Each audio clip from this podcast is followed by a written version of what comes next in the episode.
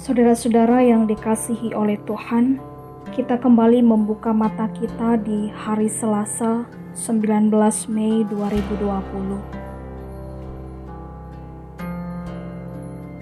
Sebelum memulai perjalanan hidup hari ini, mari kita bersaat teduh.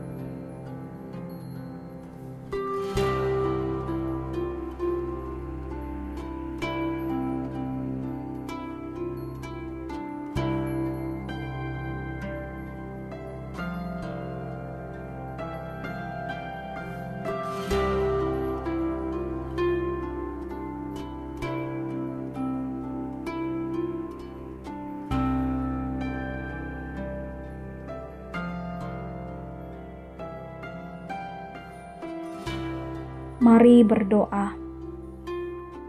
Ya Bapa, terima kasih untuk hari yang baru. Nafas hidup, kekuatan untuk jalani hidup hari ini. Sebelum kami melakukan berbagai aktivitas, kami rindu kebenaran firman-Mu menyapa kami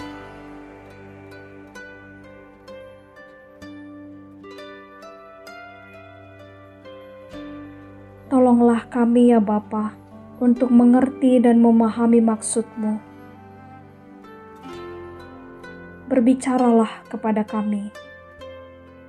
Dalam nama Tuhan Yesus kami berdoa. Amin.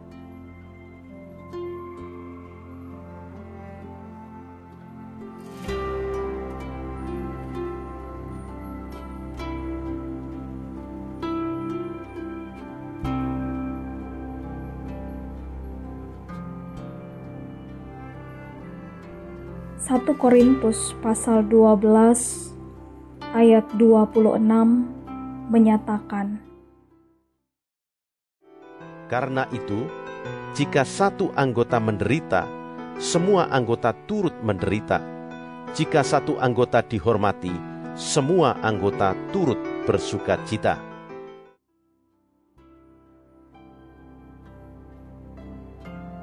Saudara-saudaraku, Allah telah menciptakan dan menyusun tubuh kita menurut kehendaknya. Ada mata untuk melihat, ada kaki untuk berjalan, ada telinga untuk mendengar, dan seterusnya.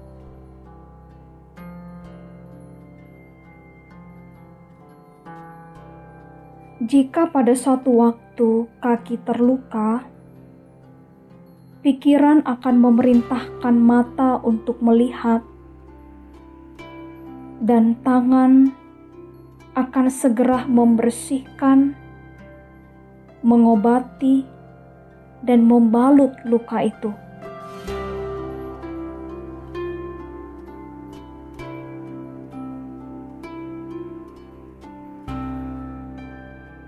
Bayangkan jika tangan kita bermusuhan dengan mata.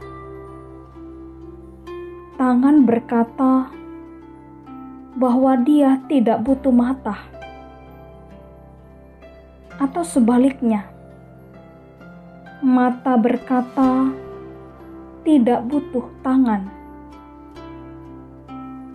Ketika mata melihat sesuatu yang indah, bagaimana dia bisa menggampainya tanpa tangan? Ketika tangan ingin mengambil sesuatu,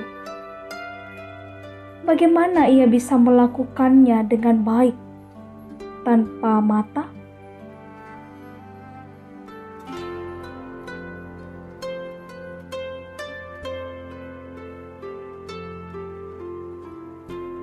Setiap anggota tubuh kita saling membutuhkan satu dengan yang lainnya.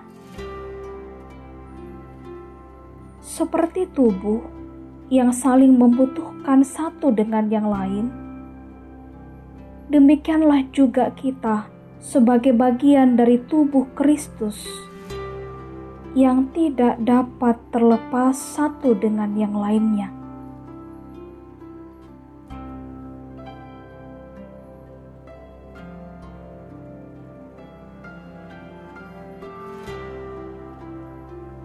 Contoh, ketika salah seorang saudara seiman kita mengalami penderitaan,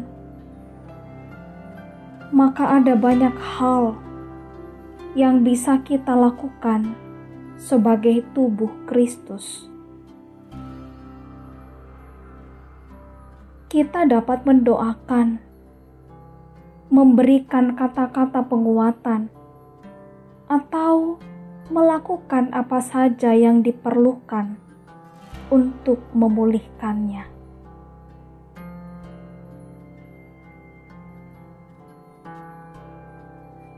Saudaraku,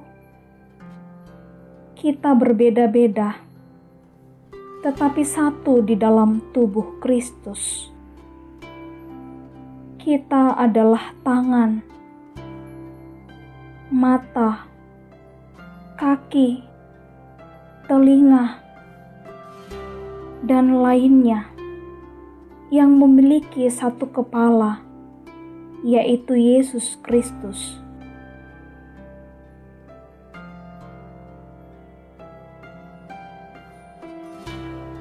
Jadi, jangan kita memperlakukan seseorang lebih tinggi atau lebih utama karena jabatan, kedudukan, atau kekayaannya dalam sebuah jemaat.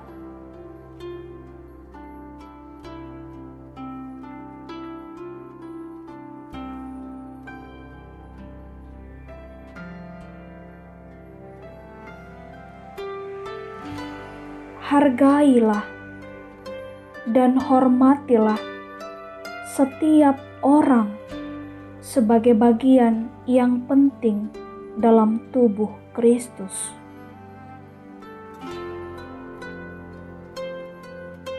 Jangan ada seorang pun yang menyangka dirinya tidak diperlukan atau tidak berguna dalam jemaat, sebab Allah telah menetapkan setiap orang di dalam jemaat sesuai karunia-Nya.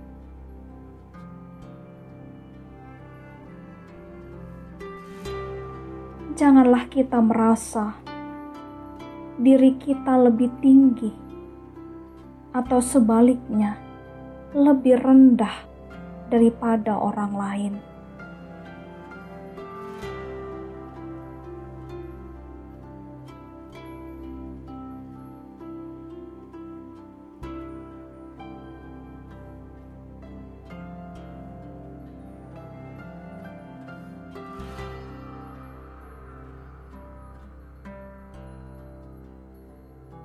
Saudaraku,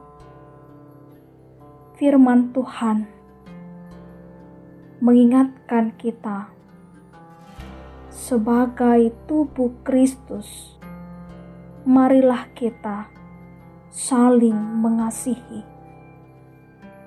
sebab Allah tidak mengendaki adanya perpecahan, melainkan persatuan. Amin.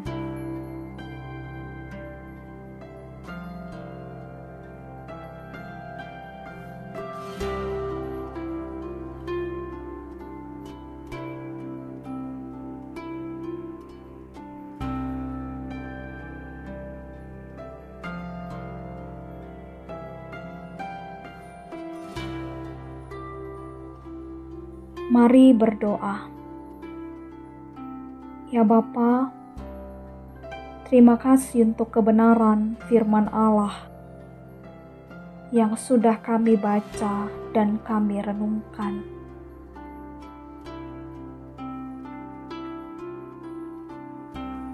Tolong kami agar kami dapat saling mengasihi, mendukung, dan menguatkan sebagai satu tubuh Kristus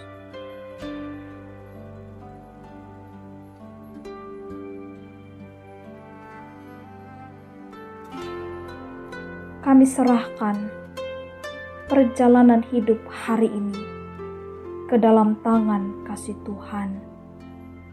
Amin.